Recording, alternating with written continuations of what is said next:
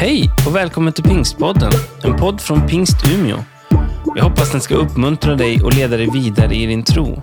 För att få mer information om Pingst Umeå och allt som händer i kyrkan, gå in på umia.pingst.se eller följ oss på Instagram och Facebook, at pingstumia. Jag brukar egentligen röra mig väldigt mycket när jag, när jag predikar eller talar. Så, Eh, men jag har fått lära mig att jag inte får gå ner för då kommer det att skjuta bara. Den här sommaren är det allt mer omöjligt att blunda för att det inte är som det ska med vårt klimat. Det är extrem, den extrema hettan som är på sina håll. Tack snälla. Uttorkade brunnar. Eller regnet som bara flödar och öser. Både och på olika ställen i världen. Vi hade en konferens här för några dagar sedan eh, som vi kallar för Theo Talks med inspiration från TED Talks. Men vi har teologer eller tänkare som öppnar för existentiella frågor. En av talarna var fast i Oslo och hade vatten till midjan i sin källare. Vi blir påminda hela tiden om hur, hur det ser ut i världen. Och klimatforskarna säger att det här är bara början. Det kommer att bli mer och mer. Många av oss har klimatångest och förtvivlar över vår oförmåga att ta stark ställning och ändra våra vanor. Jag förtvivlar inte bara över mig själv eller andra runt omkring mig, också över politikerna. Som fattar det ena beslutet efter det andra som gör allting värre.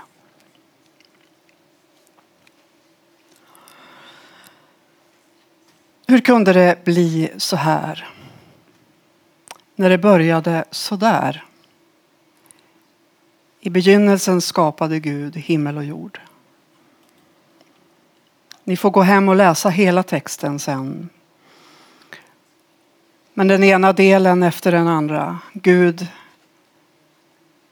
skilde ljuset från mörkret, vattnet från land. Och han såg och det var gott. Och han såg och det var gott. Den här texten från första Mosebok är en poetisk beskrivning. Det är inte en naturvetenskaplig beskrivning på vad som hände. Ibland händer det att vi blandar ihop det där och tänker att ja, men det är precis så där som det står, så gick det till. Eh, det kanske är några av er som tänker så.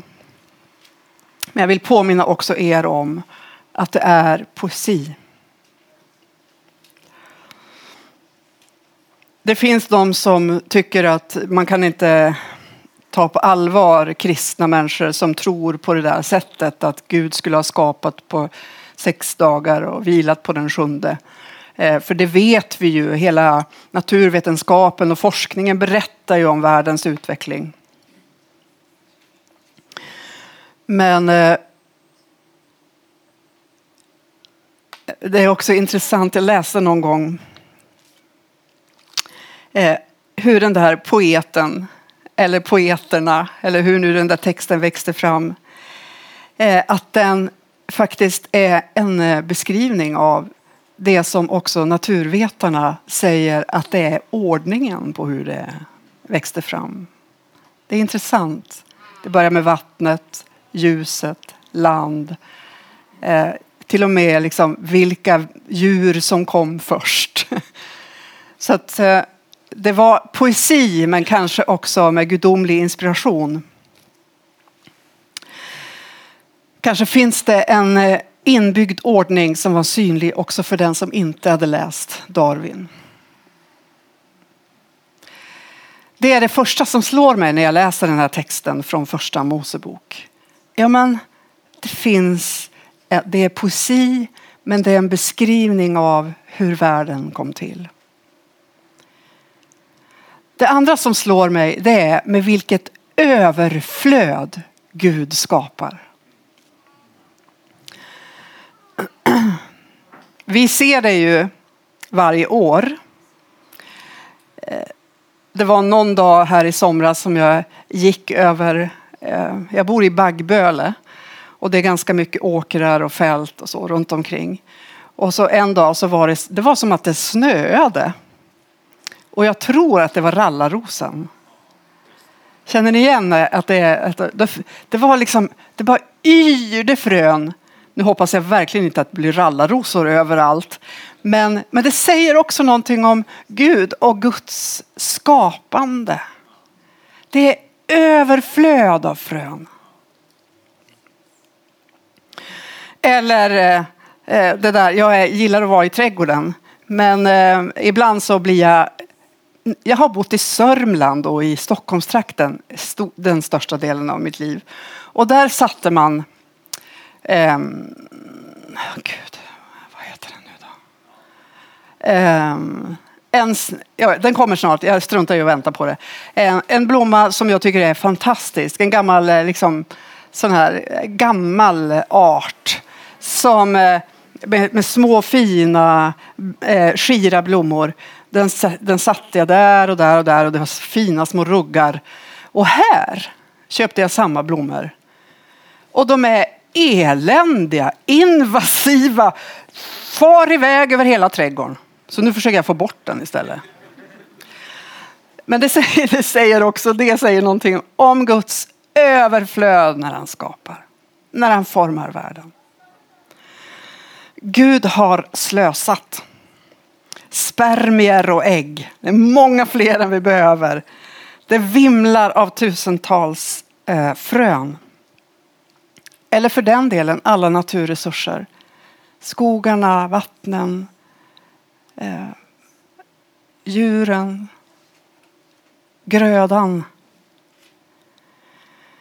Jag odlar squash ibland. Men eh, om man väl får den att, att ta sig, då har man squash till hela byn. De hinner bli liksom så här stora innan man kan ta reda på det. Eller äpplen i överflöd. Jag såg precis några som hade gjort must och sa att är det någon som vill ha, kom och ta. Gud slösar med liv, med resurser, med allt i överflöd. Och vi är inte undantagna det slöseriet. Det är lätt att säga fröna och växterna. Men vi tänker kanske inte alltid på det om oss själva. Men det är också så att Gud har slösat med resurser in i dig.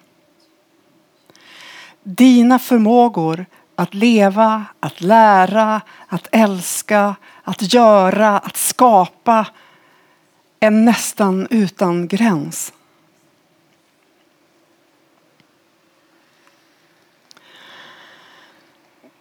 Det tredje. Är ni med på vad de först, två första är? Eh, han såg och det var gott. Ibland leker jag med den där bilden. Jag, jag har det från någon, någonstans. Eh, när en konstnär är liksom i detalj på en tavla och håller på och pillrar med någonting. För att få den hela bilden så går han tillbaka och tittar på sitt verk. Eh, och jag tänker att det var någonting av det där som, som Gud gjorde. Han såg och det var gott. Jag har en diskussion med en god vän. En diskussion som har pågått egentligen i flera år men nu är vi mera ettriga. Eh, jag hävdar att människan är god. Han hävdar att människan är ond. Ehm, eller han säger i alla fall att vi har potential att göra ont. Och egentligen så ligger det i vår grundkonstitution med avund och våld och eh, elakheter och allt, allt sånt där. Och jag säger eh, det är fler som kysser varandra än som skjuter varandra. Eh, han säger varje relation förvandlas från kärlek, kan förvandlas från kärlek till hat. Jag skickar honom böcker. Han läser tre rader. Sen skickar han tillbaka dem. Eh, ingen av oss kommer att få rätt. För det troliga är ju att det är lite både och. Men jag är fortsatt, och nu är han ju inte här så han kan ju inte säga emot mig. Eh, jag fortsätter att hävda, i grunden är allt gott. Det är grundkonstitutionen i människan och i skapelsen är god. Det är det som är Guds skapelse. Det är vår potential av att göra det goda.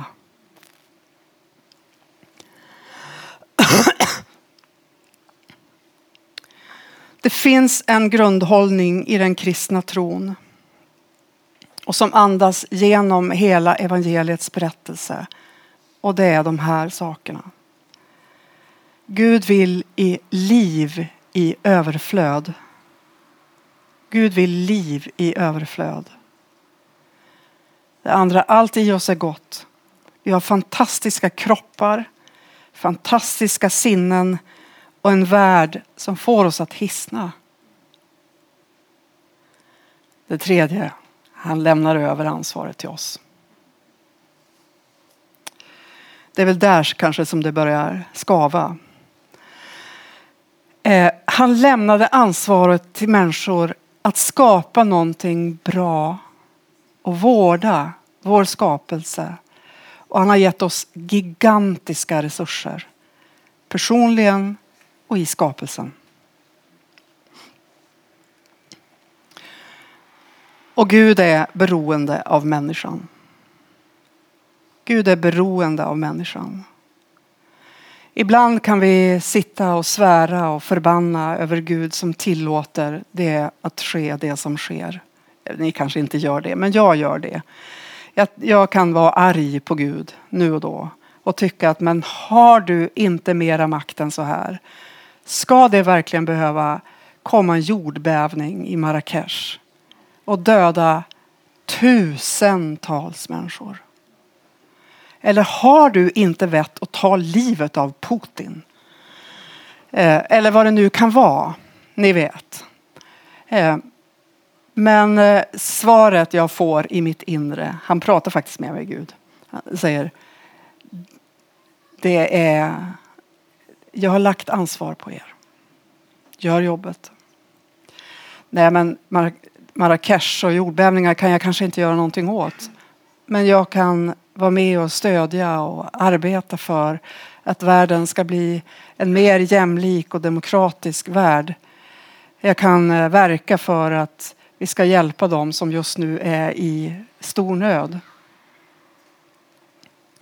Gud är beroende av människan. Gud behöver våra händer och fötter och vår kärlek och vårt engagemang. Det går inte att forma en levande gemenskap utan oss. Gud kan sitta och drömma och ge oss resurser och gåvor och frön och begåvningar. Men om vi inte använder dem så blir det inget av det.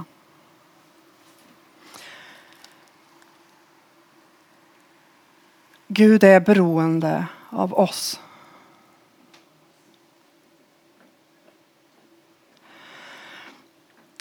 Jag tänker ibland att vi, vi skulle behöva göra oss mera medvetna om märkena vi lämnar i världen.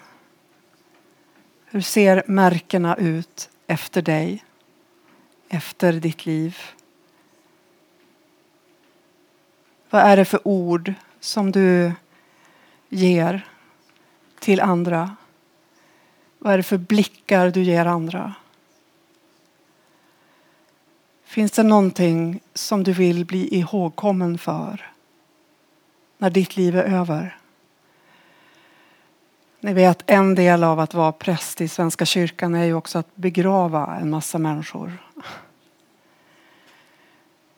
Så att formulera de där raderna om vad den här personen har betytt och vetskapen om att det som man formulerar i ett griftetal är knappast särskilt mycket utif- eh, av det som faktiskt den här personen har påverkat. Men att nu och då ställa sig en bit ifrån sitt eget liv och sitt eget verk och fundera som Gud en gång. Hur blev det här? Kan jag säga det är gott? Jag kan inte säga så bara och liksom lägga som en skuldbörda på oss. Men vi behöver vara modiga och se hur vårt liv påverkar oss själva och andra. Och i samma ögonblick som vi får syn på hur det ser ut, att också vara medveten om att det alltid finns förlåtelse. Att det alltid finns nåd, att det alltid finns möjlighet att börja om. Det är ingenting som sker en gång när vi kommer till tro. Utan det är någonting som, som i alla fall synligt för Ulf behöver göras varje dag. Nej. Han bjöd på det. Jag ber om ursäkt om ni inte tål mitt skämtande. Men, eh, nej, men att vi verkligen behöver eh, se oss själva och uthärda det vi ser och börja om igen. Tillåta det att bli nytt. Tänk, tänk nytt. Låt livet vidga sig från det du är idag.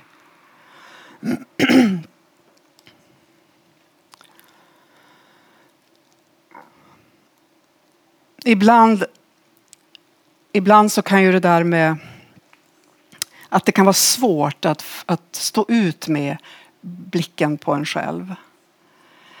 Jag hade under många, många år så hade jag en samtalsgrupp som eh, jag använde som predikoförberedelsegrupp.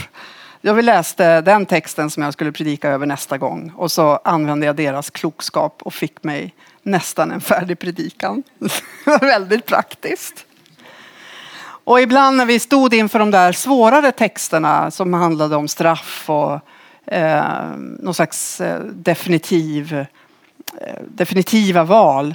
Så, så jag har alltid svårt för det, för det är inte min Gud. Det, jag känner inte Gud på det sättet. Men då var det någon en gång, det här tänker jag att ni borde nästan skriva upp och komma ihåg. Då var det någon som en gång sa, ja men tänk, tänk om det är så att det är en slags andlig lag. Det är inte så att Gud straffar för att straffa. Utan det går liksom inte. Du kan inte både lägga ner fröna i jorden och ha dem kvar i påsen i skåpet. Det går inte. Du kan inte både vårda dig om ditt inre andliga liv och eh, inte göra det. Du kan inte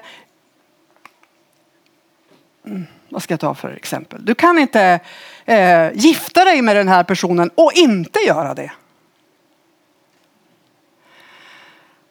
Det finns saker som är av nöd och eh, logik och självklarhet ett val som jag har att göra.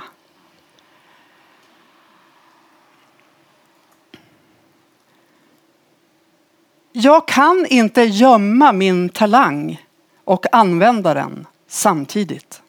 Det går inte. Jag kan inte säga att jag duger som jag är och sen slå på mig själv när jag kommer hem. Det finns en slags andlig lag eller mänsklig lag eller skapelsegiven lag som är Ibland måste du göra det som du är ålagd att göra. Det som du har begåvning för. Det som är din uppgift. Ibland tänker jag också till och med att det är så att det finns väldigt tydligt en uppgift för var och en. En kallelse för var och en.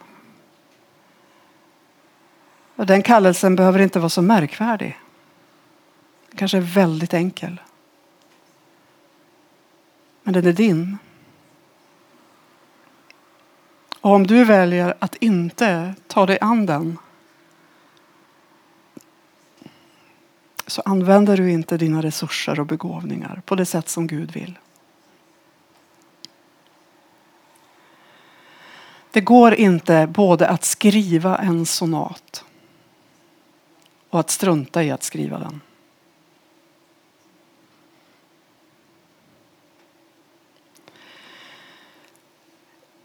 Jag vet inte, jag tror att det är väldigt ofta så att vi låter bli att göra eller älska eller skapa för att vi är rädda att det blir fel. Att jag är för mycket. Att de andra skulle tycka att jag var ute och cykla.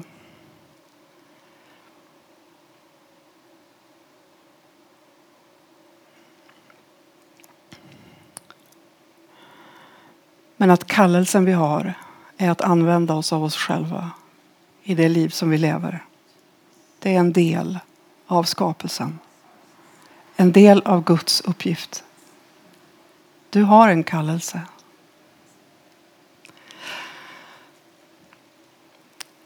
Den här perioden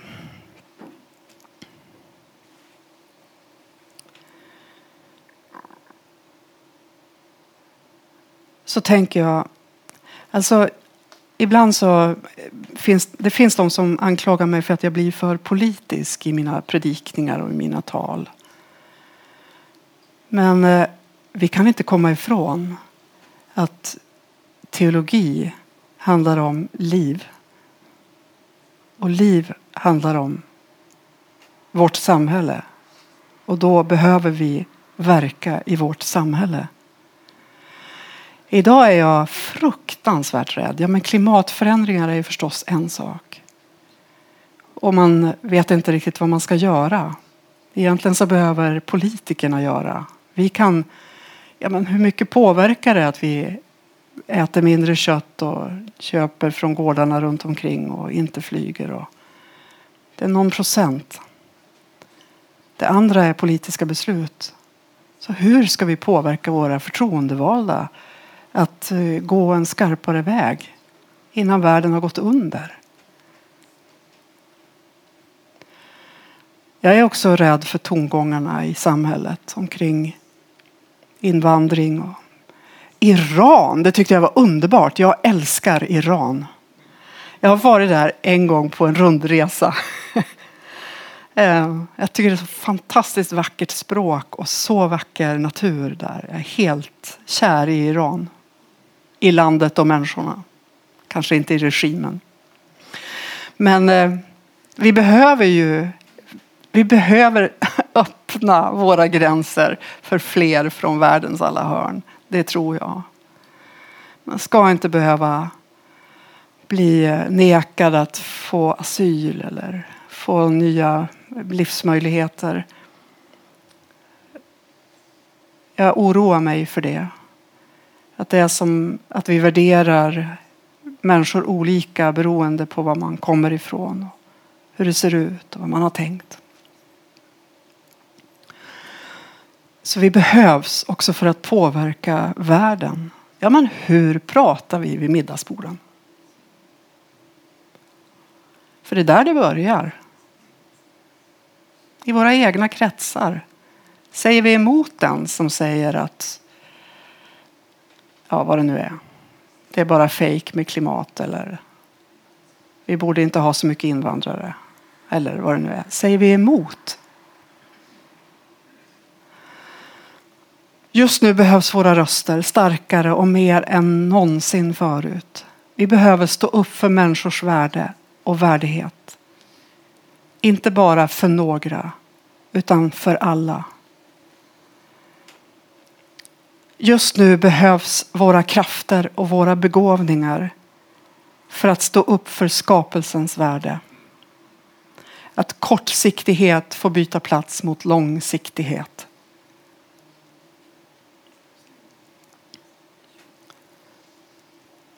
Resultatet av min rädsla eller min blyghet eller, eller rent av kanske lättja är att ingenting av det Gud har gett mig i överflöd blir kvar i världen.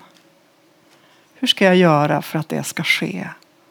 Att det som jag har fått i överflöd ska bli kvar i världen. Hur ska du göra för att det som Gud har gett dig av begåvningar och resurser, kapacitet och tolkning och kärlek och allt det där som du har. Hur ska du göra för att det ska bli ännu mer synligt? Ännu mer verksamt i den här världen. Världen behöver dig. Världen behöver dina förmågor, dina ögon, dina händer. Gud klarar sig inte utan dig. Så ta emot den där slösande överflödet. Se dig i spegeln och se vem du är och vad du kan. Sätt dig själv och den du är på spel. Våga bjuda på det du kan, det du är. Gud kallar oss ut i världen. Det hänger på oss att våga och vilja vara en del av livets kraft, av Guds kraft. Och så får vi vila i att ständigt och hela tiden så tar Gud ett steg från sin skapelse och ser på oss och säger det är gott. Amen.